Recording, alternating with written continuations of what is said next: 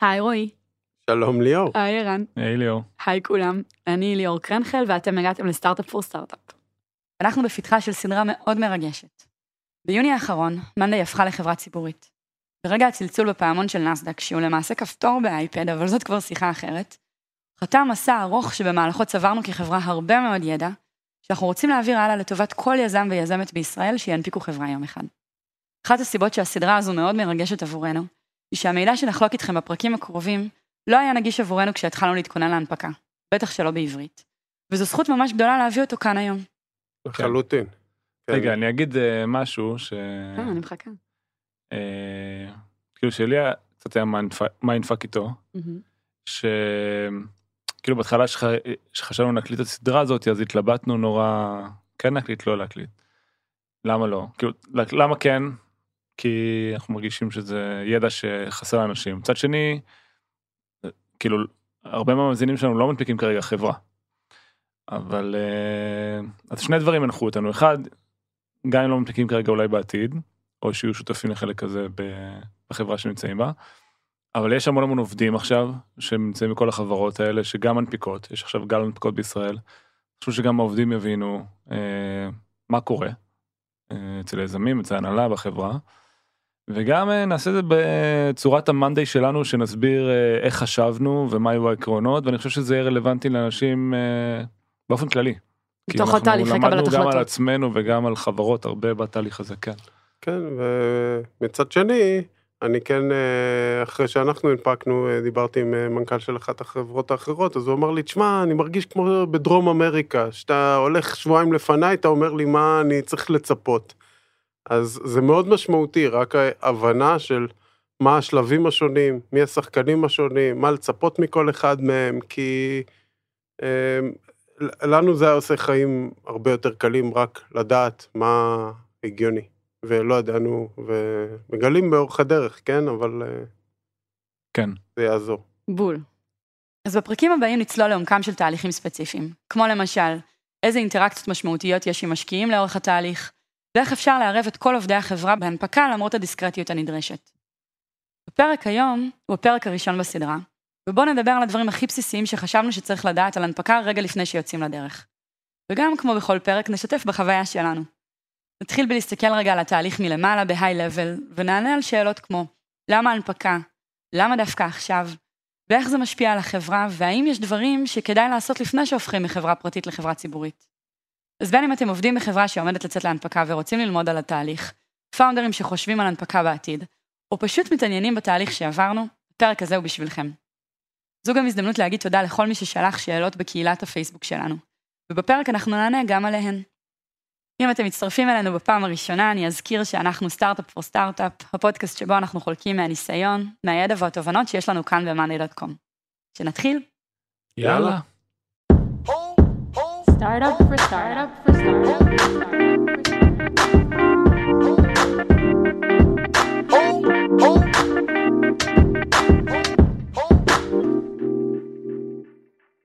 אז בואו נתחיל מההתחלה. אה, למה הנפקה? למה הנפקה בכלל ולמה לנו הנפקה? כן, אני רק אני, אני חייב כי את חייב. אמרת שהכפתור של נאסד"ק. הנאסד"ק הוא בעצם בתוך אייפד לוחצים על כפתור ואז רשום market open. ולא התאפקתי. רגע, אחרי- כשלוחצים, כתוב market open. הוא הוא מחליף, הכפתור משנה את מתחלף. market open ולא התאפקתי אחרי שבע דקות אחרי שהיה את כל הזיקוקים וזה לחצתי עליו שוב. היה רשום market closed אמרתי אלוהים אדירים מה עשיתי. אבל זה לא עושה כלום. שאלת מישהו? שאלת או שחיכית לבדוק? מה? אם נסגר לא, השוק? לחצתי היה רשום market close. לא, אם זה היה הסכמתי באמת, הוא היה. עוד יותר שמח, אבל הכל. היה בסדר לא יודע אף אחד לא צעק עליי אמרתי יאללה הכל טוב. לא עושה כלום הכפתור. אתה יודע מה, טוב שאתה מתחיל עם זה? בסוף נחזור לנקודה הזאת וננסה להבין אם אה, יש לזה כן. משמעות לא, או אין. השווקים אה, נשארו פתוחים הכל היה בסדר. אז אז למה ההנפקה? המטרה שלנו זה לבנות חברה גדולה, בסדר? ש- שלי ושל ערן זה היה מה- די התחלה, וכיוונו מאוד מאוד את החברה לשם. לבנות משהו שהוא לאורך הרבה זמן. אה, ו- going forward. כלומר, ההנפקה מבחינתנו זה לא הסוף, זה ההתחלה, זה איזשהו שלב בדרך. ובעצם, כל חברה שיש לה משקיעים, אה, מוסדיים, VCs, הם צריכים מתישהו לעשות כסף, הם צריכים למכור. עכשיו, אצלנו הם, הם לא היו לחוצים עכשיו, אבל מתישהו זה היה קורה. אבל עכשיו זה הזמן מאוד טוב. יש גודל מסוים של חברה שזה נכון לה להנפיק, כן, שהיא צומחת עדיין מאוד מאוד מהר, וזה, אפשר לקרוא לזה לידה קלה לתוך השווקים. אה, וגם מבחינת השוק עצמו, אז צריך לבחור את הזמן, וזה זמן נהדר בשוק היום. אז כבר שני הדברים האלה, בהינתן שאנחנו רוצים לעשות את זה גם ככה, אז זה היה פשוט הזמן הכי הגיוני לעשות את זה. אז אתה מדבר על נזילות כסיבה אחת לעשות את זה? למשקיעים הם בסוף חייבים להחזיר את הכסף איכשהו, ומישהו צריך לקנות את זה מהם. אז או שזה עוד משקיעים, אבל בסוף זה חייב להסתיים ב public markets. תראי את כל החברות שיש היום בעולם. כולם ב public markets, למעט נראה לי דייסון. היא החברה הפרטית לא, הכי... נגיד גם זה. סטרייפ היא עדיין אה, פרטית. אבל עדיין, ב scale, אבל אה, היא, היא גם תהיה חייבת להגיע לשם, אלא אם כן אה, אה, מבנה ההחזקות שלה הוא כזה שהוא הרוב אצל אה, בן אדם אחד, או כן. כמעט הכל. זה מעניין, אז אתה בעצם אומר, לא למה הנפקה, אלא מתי הנפקה. כן. כאילו, בהינתן שצריך להנפיק חברה, כי צריך לפגוש נזילות, אם רוצים להמשיך לעשות חברה גדולה, כי הדרך האלטרנטיבית כן, היא אקזיט, אם אתה לא כן, רוצה התכוונו. כן. שיקנו אותך. אה, אז אתה אומר, עכשיו תשאל את עצמך בתור founder, מתי הזמן. כן. נכון? כן. ערן? כן, אז שנינו היינו באותו ראש, שזה ברור שזה קורה. אני יכול להכ- להכניס את זה לאנקדוטה שלנו, שאני ורועי, כל אחד מהסבבי גיוס שלנו היו מאוד משמעותיים מבחינת החברה, לא מבחינת האקט עצמו של לגייס את הכסף, אלא התהליך הזה של לפגוש הרבה משקיעים, של לחשוב מחדש, לרשום את המצגת, להכין את הדאטה רום. שינינו את התפיסה הרבה פעמים, הרגשנו שהחברה שנולדה אחרי התהליך הזה היא חברה שונה ממה שהייתה. כי כל, כל, כל סיבוב כזה בעצם אנחנו צריכים להסביר למה החברה תהיה פי עשר יותר גדולה ממה שהיום, כי אחרת זה לא... זה כן. מה שמשקיעים מחפשים לראות, והפעם היה כמו איזה כמה, ארבע, חמש סבבי גיוס ביחד. כן, זה התהליך הזה של ההנפקה, היום אני יכול להגיד בדיעבד, כאילו גם תוך כדי הרגשתי, אבל עשינו קפיצת מדרגה מטורפת. בהבנה שלנו בסיפור, אז שוב, זה לא הסיבה היחידה, זה אירוע גם חד פעמי. מה שכן, מה שאהבנו, כזה בהסתכלות קדימה, שאחרי שאתה הופך להיות חברה ציבורית, אתה מחויב לדווח כל רבעון, שזה לך איזשהו רידם סביב הדברים האלה, כאילו של אה, תקשור החוצה והתחייבות. אז אה, זה כזה, לכפות על עצמך משהו חיצוני, שאני חושב שמאוד מבגר אותך בצורה חיובית, בוא נגיד. אוקיי, והתזמון שלנו, למה דווקא בטיימינג שהחלטנו? אה, תראי, מבחינת revenues וסקייל היינו כבר במקום שזה מתאים. כאילו, שוב, זה תלוי בשוק. פעם נגיד אה, חברה שכבר הייתה מגיעה ל-100 מיליון ARR, כבר זה, מה זה בשלה לצאת להנפקה, היום כבר זה השתנה. אז היינו במקום הנכון. אה, כלומר, היום זה יותר. היום זה יותר, כן. אבל היינו במקום נכון מבחינת revenues ו-ARR, והשוק היה במקום טוב, ופשוט תרגיש, השוק טוב, החברה במקום טוב, הצמיחה עדיין מאוד מאוד טובה. אה, שוק, בוא נ- בוא נלך על זה. שוק במקום טוב זה שמשקיעים קונים ולא מוכרים, כן? כי כאילו צריך, אה, אה, כדי שהם יקנו מניות של חברה שעכשיו מנפיקה, צריכים למכור מניה אחרת שיש להם. אבל אם הם רק מוכרים ומנסים להוציא את הכסף החוצה, נניח, לא יודע, לאגרות חוב ודברים כאלה, אז אין כסף שייכנס לך, זו תקופה לא טובה להנפיק. לא משנה כמה מנפיקים. החברה טובה. כן, בדיוק, ואז לא... לא... אז החברה טובה בהכנסות, יש משהו שצריך לחשוב עליו מבחינת פנים ארגונית? אה, זו שאלה שעלתה גם בקהילה ככה. חושבים שגם העובדה, אני אספר, יש לנו כבר הנהלה במאנדיי, זאת אומרת, אתם מסתכלים גם פנימה ואומרים, הרגשנו בשלים? אה, הרבה כן ו- וגם לא. בוא נגיד ככה, הרגשנו, בלי להיות ספציפי כרגע, שא' שאני ורועי יכולים להתנתק מהחברה לאיזושהי תקופה, והחברה תמשיך לעבוד, כי בסוף אה, כל התהליך הזה גבה מאיתנו המון המון אנרגיה וטנשן. עכשיו, אם אתה עדיין מאוד מאוד אקטיבי בניהול של החברה היומיומי, בתור יזם או מנהל, קשה מאוד לעשות את זה. אבל הרגשנו שהחברה כבר רצה, ואנחנו יכולים אה, ככה להתעסק בעוד משהו. זה ברמת הפניות האישית שלנו. הרגשנו שיש הנהלה מאוד מאוד חזקה, שתוכל גם להתמודד עם הדברים האלה, תוכל לייצג אותנו בחוץ מול, אה, מול משקיעים, מול אנליסטים, אה, אבל היה לנו גם חוסרים. לדוגמה, לא היה לנו CFO. אה, נקודה קטנה כזאת, כן, בקטנה. לא משהו... איך נסביר את זה? זה כמו להתחתן בלי רב. אולי בלי הכלה. כמו להתחתן בלי כלה, כן. כן, אולי זה. כמו להתחתן בלי כלה. בלי CFO אי אפשר להנפיק, בוא כן. נגיד את כן. זה אחרת, כן? לא יודע, הבנקאים אמרו לנו, "אתה יכול- יש חברות שמביאות CFO לרבעון, וכאילו זמני כזה, והם יודעים שזה זמני, אבל זה לא טוב. זה כן. לא טוב. כן. אה, אז- רצינו לעשות את זה כמו שצריך. כן, אז אה, בסדר, זה היה המחיר של ההתבגרות, אני חושב שזה היה חלק מהדברים המשמעותיים שקרו בחברה, שאלירה נכנס גם לקח את התהליך באמצע, כן? כאילו... נגיע כן, לזה. עשה עבודה כן. מדהימה. מה המשמעויות של הנפקה? מה המשמעות של הנפקה עבור חברה, אה, עבור בעלי ההחזקות בחברה שאלו אותנו? עד היום היינו חברת סטארט-אפ פרטית, אה, אימא שלי לא יכלה לקנות אה, מניות. כאילו, כאילו זה לא, לא יכלו, מי שיכל זה רק אנשים שהיה להם access מאוד מאוד ספציפי שזה קרנות. הציבור לא יכל לקנות, ולא, וה, והעובדים גם לא יכלו למכור, והמשקיעים גם לא יכלו למכור. זה היה אירוע מאוד כבד בשביל כי להשקיע כל בחברה. טרנזקציה צריך אה, למצוא את הקונה, את המוכר, לעשות, לאסוף חתימות מכולם והכל. public market, זה אומר שיש market, יש שוק שמוכרים וקונים את המניה, היא נסחרת, המחיר שלה עולה ויורד כל הזמן לפי הביקוש וההיצע, וזהו, אה, יש לזה חיובי, יש לזה שלילי. ולי משהו אחד שאני הבנתי בתוך התהליך הזה, כלומר, מה המשמעות הנוספת, זה המשמעות הטכנית, אפשר להגיד. המשמעות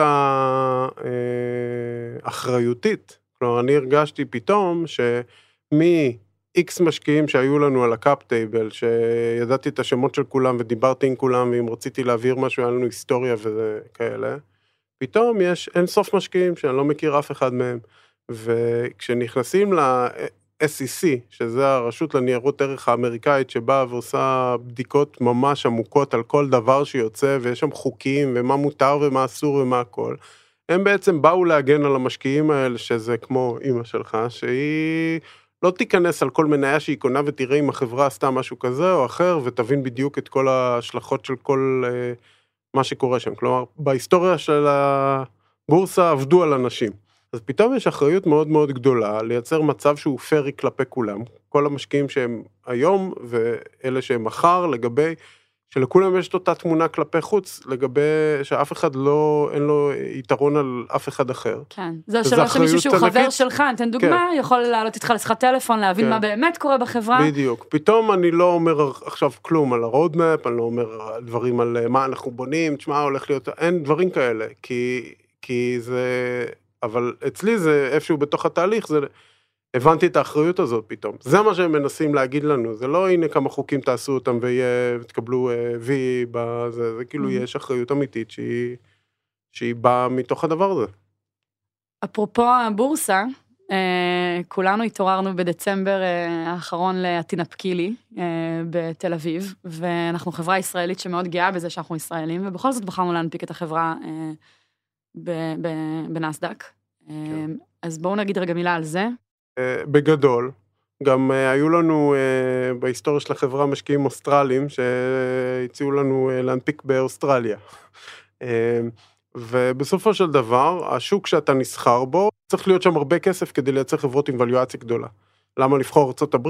זה שוק ענק יותר, שם יש את המשקיעים המוסדיים הכי ענקיים. זה שוק שהוא פתוח גם למשקיעים ישראלים.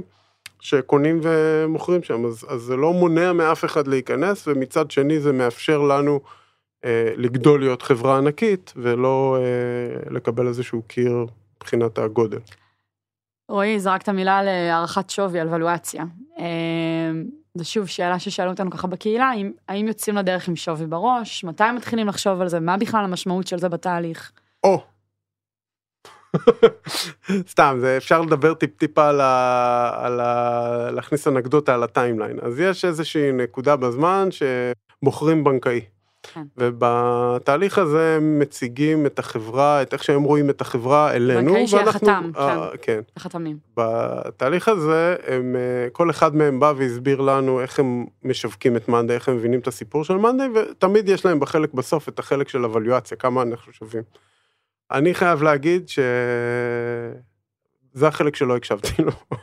כלומר, כי הבנתי שתי דברים, אחד שהם מוכרים לנו, אז כאילו זה לא יהיה באמת אה, הוולואציה אמיתית, וב' שזה כל כך רחוק, יש שם כמה חודשים בין אה, שם לבורסה, באמת, בסוף זה נקבע באמת לפי התנודתי, כל, כל פעם אמרו לנו, השוק זז ככה, השוק זז ככה, בשבוע. כן, הרצון לחשוב על זה מהשנייה הראשונה, שוב, אלא אם כן חושבים שיש איזשהו מחיר, שהשוק לא טוב, שהשוק לא יתגמל את החברה טוב, היא שווה משמעותית יותר וזה משהו שלא מוכנים לעשות, בסדר? הטווח יכול להיות אה, מאוד רחב, אז כאילו להגיד בדיוק איזה ווליואציה רוצה, זה לא כמו סיבוב פרטי. אבל כשיצאנו לדרך, ערן, אז לא חשבתם על מספר? וזה גם קצת אה, לוקח לשאלה של על מה כן היה לנו חשוב כשיצאנו לדרך. בסדר, על מה כן חושבים כשיוצאים לתהליך הנפקה. תשמעי, אז אני חושב שבניגוד בניגוד לסיבוב אה, פרטי, החשיבה שלנו פה הייתה יותר long אה, term, כי בסוף אה, לוולואציה שאתה יוצא איתה, יש לה איזושהי משמעות, כן? לא היינו יוצאים בכל וולואציה והיה לנו קווים אדומים וגבול תחתון, גבול עליון. אבל אין כל כך הרבה משמעות, כי זה מה שמפספסים, זה לא אקזיט. זה לא שכאילו עכשיו מכרנו את החברה ב-X כסף ואז אתה מנסה לאפטם את התוצאה הסופית. יש הרבה דברים, פרמטרים אחרים שאנחנו מנסים לאפטם, ובסוף אנחנו מאוד משתדלים להסתכל על זה בטווח הארוך, מה ישרת חברת טווח הארוך, כי זה לא שעכשיו אה, כל העובדים וגם אני ורועי והמשקיעים עושים קאש אאוט בוולואציה. אחד הדברים שאולי צריך להבין בתהליך הנפקה, שזה מה זה קומיטמנט, זה כאילו, אני מרגיש היום מחויב לפחות עשר שנים לחברה קדימה, כי לקחנו חברה, הבאנו המון משקיעים, נכנסנו לבורסה, הבורסה מספה מאיתנו למשהו, זה מסע.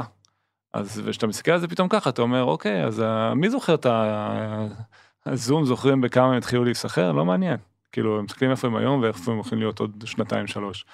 אז, אה, אז זה מה שהנחה אותנו, וגם... אה, מעבר לזה אתה מבין שיש לך אקו סיסטם, יש לך משקיעים, יש לך חתמים, יש לך משקיעים שלך, ואתה רוצה גם שהאפסט שלהם יהיה לטווח הארוך.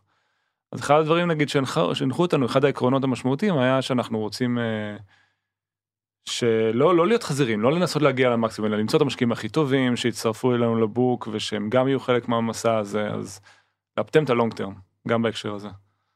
אה, כן, וגם אה, לראיה, אף אחד לא מכר אה, מניות בהנפקה, כלומר רק גייסנו כסף לתוך החברה. אף אחד הכוונה לא אנחנו, לא הפאונדרים, לא אף אחד מהעובדים, לא, לא, לא המשקיעים וגם לא העובדים. בכל זאת רק עוד מילה אחת ערן, אז אתה אומר אוקיי, לא עושים אופטימיזציה לזה, אבל בכל זאת ציינת שהייתה תקרה והייתה רצפה. כן. אז עוד טיפה, מה החשיבות של זה? למה במחיר מסוים אתה אומר, בשווי הזה לא ננפיק את החברה, כן. כי זה נמוך, או בשווי הזה לא ננפיק כי זה גבוה. תן כן. קצת את השיקולים. אז, אז פה צריך כן צעד אחד אחורה ולהגיד אה, ממה נגזר שווי, בסדר? אז שווי של חברה, מה שנקרא market cap, כמה החברה שווה, הוא נגזר מהרבה פרמטרים, אבל הפרמטר אחד המרכזי זה הכנסות, revenue מה שנקרא. ואז יש עוד אה, פרמטרים שמש, שמשפיעים. אה, לדוגמה קצב צמיחה, מאוד משמעותי, כי הרי נגיד שתי חברות עם 100 מיליון דולר הכנסות, חברה אחת תהיה שנה הבאה 200, חברה שנייה תהיה שנה הבאה 110, זו שתהיה שווה 200 שנה הבאה עם, 100, עם 200 דולר הכנסות, תהיה שווה הרבה יותר. אז קצב צמיחה והפסד וקשלו ועוד הרבה פרמטרים. אז uh, בסוף כשאתה מנפיק, אז uh, מתקבע לך איזשהו מכפיל, בסדר? איזשהו מכפיל על ההכנסות. עכשיו למה אני משתמש במילה מתקבע? כאילו זה יכול להשתנות לאורך זמן, אבל...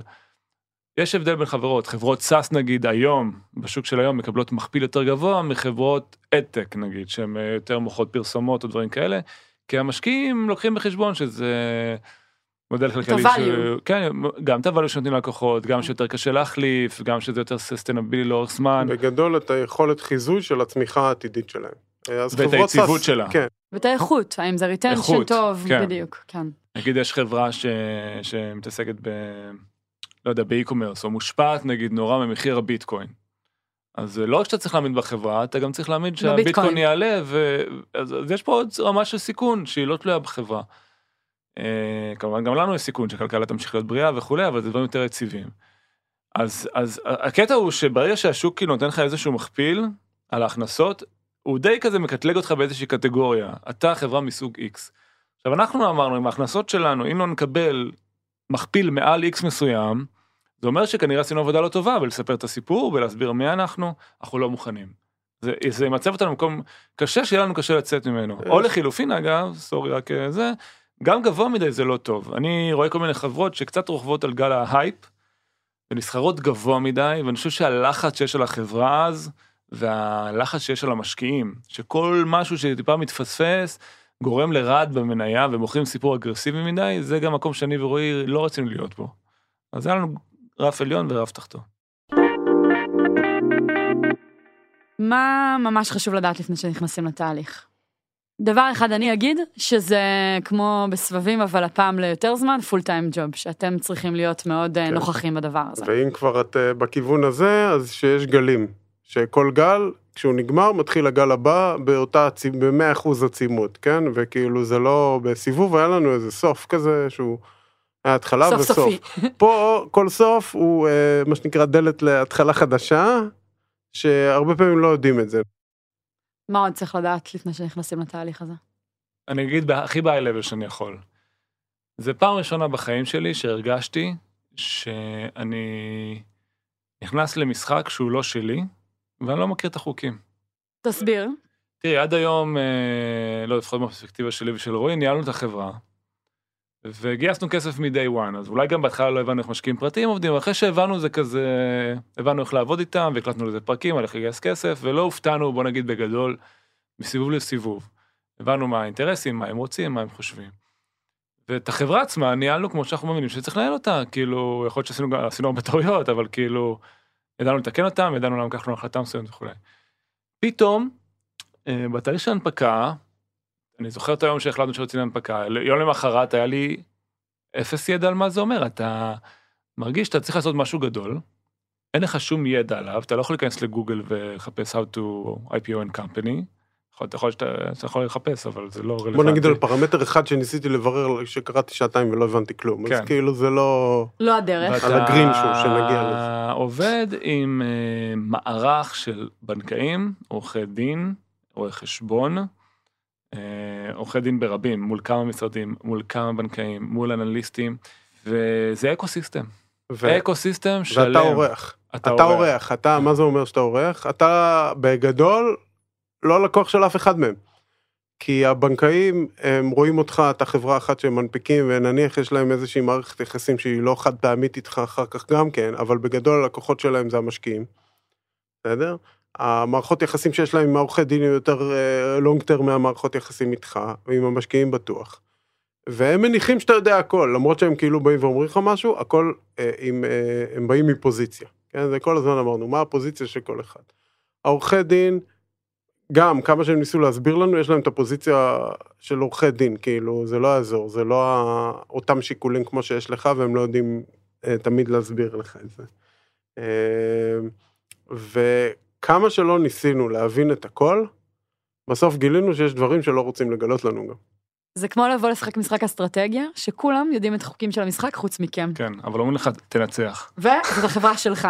כן, אז זה הקאץ', שכולם יודעים את החוקים ורק לך אכפת מהתוצאה ממש ממש ממש. כן, שנוגעת לחברה, כן. שאתה תחיה איתה למחרת בבוקר, כי... כן. היא- אבל אני רוצה לסייג את כל זה, כי יש משהו שהידד לי לאורך כל התהליך, שגלעד, גלעד שני, שהוא אחד המשקיעים שלנו באיון, אה, הוא וגילי עזרו לנו מאוד מאוד בתהליך הזה, אה, משקיעים מדהימים.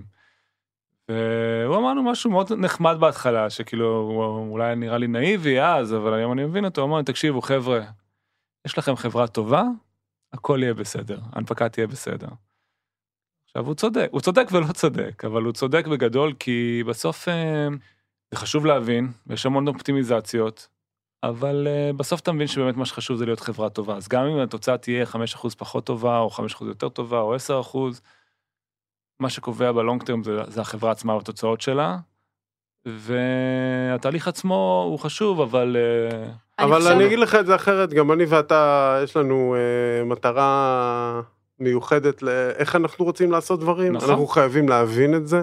כלומר, אתה את זה. לא אומר, טוב, הוא אומר לי לדבר עם ההוא, אני אדבר עם ההוא, ואני לא יודע למה, אבל אני אעשה את זה, וכאילו ככה נמשיך שבועיים. אתה חייב להבין. פשוט נתן לי איזשהו שקט פנימי. כן. אני? חושבת שה- ש- שהשיחה פה היא פחות על האם אה, תהיה הנפקה בסוף התהליך, או עד כמה, אלא עד כמה תרגישו שליטה בתוך התהליך. כן. כאילו, אני חושבת שערן, כל מה שהתחלת ופתחת פה, זה כמה אני יכול להרגיש כמו בסבבים, שאני מבין את המצב ושולט ומכוון, מול כמה מניעים אותי ואני לא יודע למה. ו- וגם היכולת שנייה לעצור ולהגיד פה זה לא חשוב, גם אם זה נדמה לך שזה לא חשוב, היא לא אפשרית, כי זאת החברה שלך כן. בנקודה ש... שהיא חשובה לחברה. אז אולי עוד משהו ששווה, שחשוב לדעת לפני שנכנסים לתהליך, זה שזה באמת תקופה ארוכה שעובדים עם הרבה מאוד אנשים חיצוניים. כן.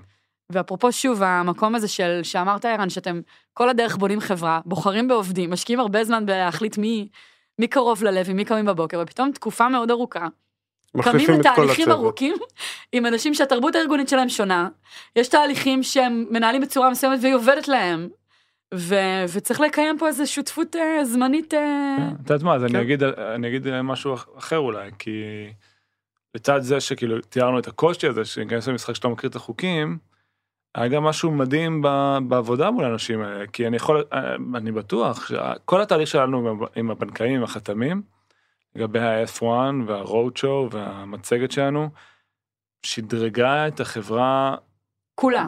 כולה כן. בעשרות מונים, כי אתה פתאום מזמין מישהו מבחוץ להיכנס פנימה, והוא מסתכל על הדברים בצורה שונה לגמרי ממך. הוא פחות רגיש לדברים, אז אתה ככה שאומרים על הילד שלך. כן, פחות נשוי לקונספטים, כן. ב- עם פרספקטיבה חדשה, מתרבות אחרת, זה מאוד עזר, זה, הפתיחות שלנו לזה וה- והקבלה שלנו גם מאוד עזרה לנו בתהליך. אז לצד זה שאני אומר שלא מכירים את החוקים וזה קשה אולי מהצד שלנו, אה, להכניס מישהו החוץ, מבחוץ פנימה, הוא עושה גם פלאים לחברה. עוד שתי שאלות. שאלה אחת היא, אה, שאלה נוספת היא לגבי מדיניות השקיפות שלנו. אה, שאלו בקהילה אם היא עומדת להשתנות בעקבות ההנפקה, ואפילו זה נחמד, כי מי ששאל אמר שבאחד הפרקים סיפרנו שיש לנו מסכים במשרד עם נתונים פיננסיים, והאם אין בעייתיות עם זה, ואיפה זה פגש אותנו.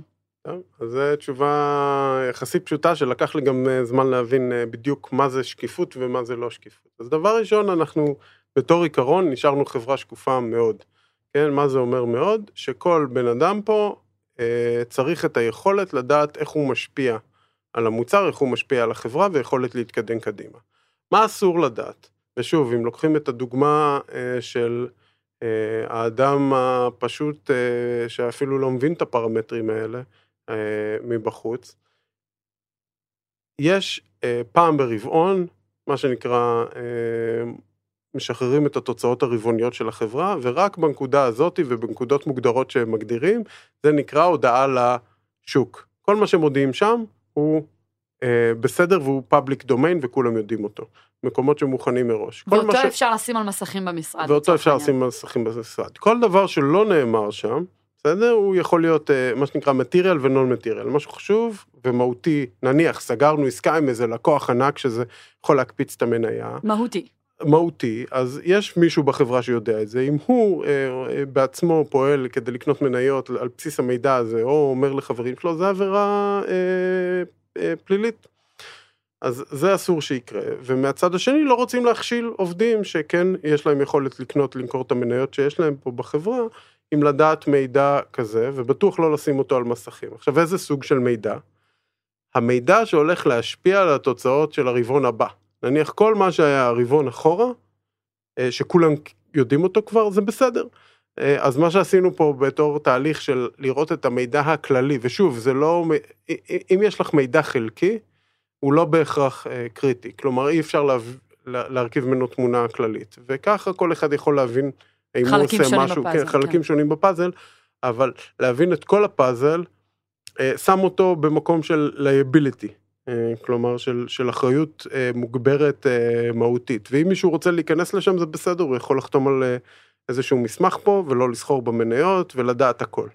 אבל מה שבחרנו בתור דיפולט לכולם זה שפשוט את הדשבורדים, זה אותם דשבורדים, פשוט עם המידע של הרבעון הקודם.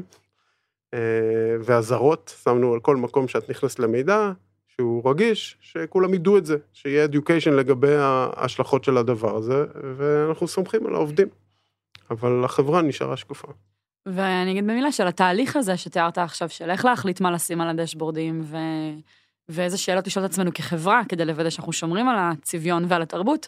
אנחנו הולכים לעשות פרק שלם נפרד עם, אה, עם אושרת, שהיא ה-VPHR שלנו, ועם אוריאל, אה, שהוא אה, סמנכ"ל התפעול, ושם ניכנס ונעמיק בכל השאלות האלה.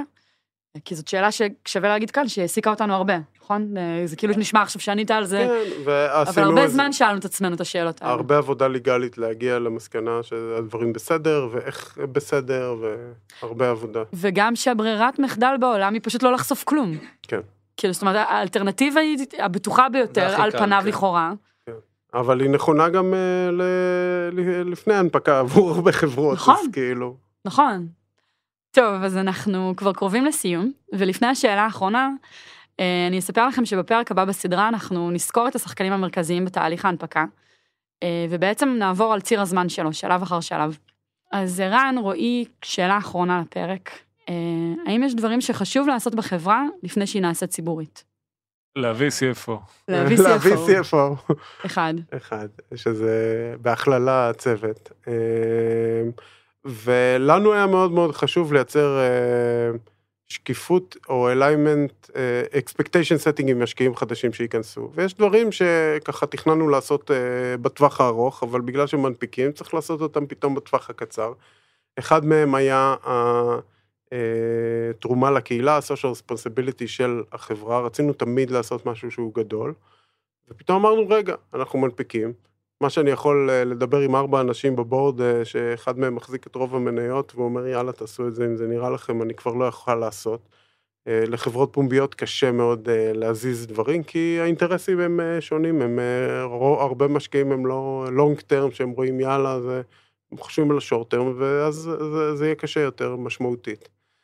אז אחד מהם, אז אנחנו בעצם יצרנו יחסית מהר, משהו שהוא ה fund, ה social fund שלנו, שבו אנחנו לאורך זמן מקצים 10% מהמניות של החברה. כלומר, 10% מהחברה הולך לתרומה, אה, שנע... ו... ולקחנו זמן לבנות את זה שיהיה כמו שצריך, זה לאורך הרבה זמן, אנחנו אה, מדללים בעצם 10% זה המון, אז לאט לאט את המשקיעים הפומביים, היה חשוב לנו לעשות את זה גם טיפ-טיפה לפני ה-IPO על משקיעים קיימים, וגם אחרי זה על ה... השוק, על ה public market, שאנשים יבחרו בנו כי הם ידעו שזה בסדר, שזה משהו שגם הם רוצים.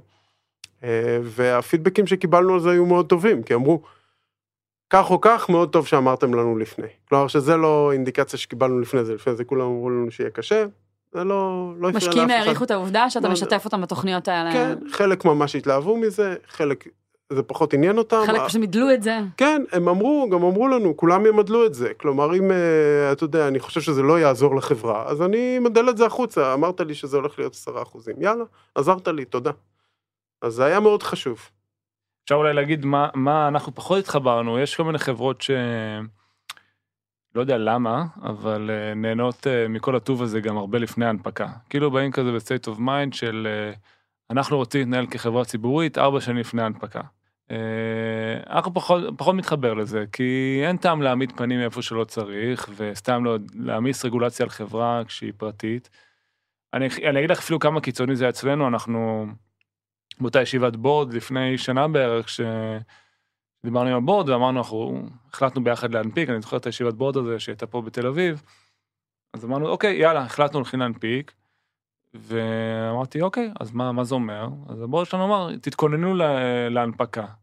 ואני ורועי לא, לא הסכמנו, מה, מה זה אומר? בואו נחליט על תאריך. בואו נבין מה היעד, כי זה נורא קשה כאילו להכין את כולם להנפקה. מה זה אומר? כאילו מה, שאנשים יבואו עם בלייזרים למשרד? כאילו, צריך uh, להבין מה, מה האנד גול, לאן אנחנו מכוונים. וברגע שזה אמיתי, אז להתחיל לפעול כמו חברה ציבורית. אז אני חושב שכל המהלכים האלה, שכאילו להקשיח את הכל ולהוסיף בירוקרטיות מיותרות וכולי לפני הנפקה, זה דבר פחות קריטי. מה שכן, אני חושב שאחד הדברים שכן אנחנו נערכנו זה לגבי הבורד. כאילו, כן צריך לעשות קצת שינויים בבורד. אני חושב שחברה פרטית, אה, בלית ברירה, אה, הבורד ממבר שלה הם משקיעים. זאת אומרת, קרן אה, מכניסה סכום גדול לתוך החברה, אז בדרך כלל השותף בעצם בקרן שהוביל את ההשקעה נכנס לבורד. וזה מייצר בורד די חד גווני. משקיעים, בדרך כלל מארצות הברית, אולי משקיע ישראלי אחד, לרוב לצערי גברים, כי אין הרבה משקיעות, לפחות אלה שאני ורועי פגשנו, כולנו אמרו לנו לא. אז... אני הייתי שם כדי להגיד שזה נכון. נכון, אז לא היה לנו הרבה אפשרויות, ובתור חברה ציבורית אתה אומר, רגע, אני צריך לחשוב הרבה יותר רחב. גם פתאום אני לא מנוהל על ידי המשקיעים בחברה הפרטית, אז חשבנו מחדש מי אנחנו רוצים בבורד ומי כבר לא רלוונטי לבורד. מה הערך המוסף שהבורד יכול לתת. כן, וגם קדימה אנחנו הולכים עוד לשנות את זה going forward. אני, אני אסייג רק את מה שערן אומר על אה, לא, לא צריך תהליכים לפני זה של הנפקה, אבל יש הרבה דברים פיננסיים שגילינו שכאילו היה אולי כדאי לעשות אה, כן. לפני, וחלק שכן עשינו, כמו דוחות רבעוניים, כמו... אה, לא יודע, לעבוד בסטנדרט הנכון של, ה... מה שנכון ל public market, כל מיני סטנדרטים שהם רגילים, אבל לא, לא דברים שהם אה, מעיקים על החברה ועל הפעילות שלה, זה, זה מיותר. מעולה. ובזה נסיים. אם יש לכם עוד שאלות, אפשר לפנות אלינו באתר או בקהילה שלנו בפייסבוק. תודה רועי, תודה ערן, תודה שהאזנתם.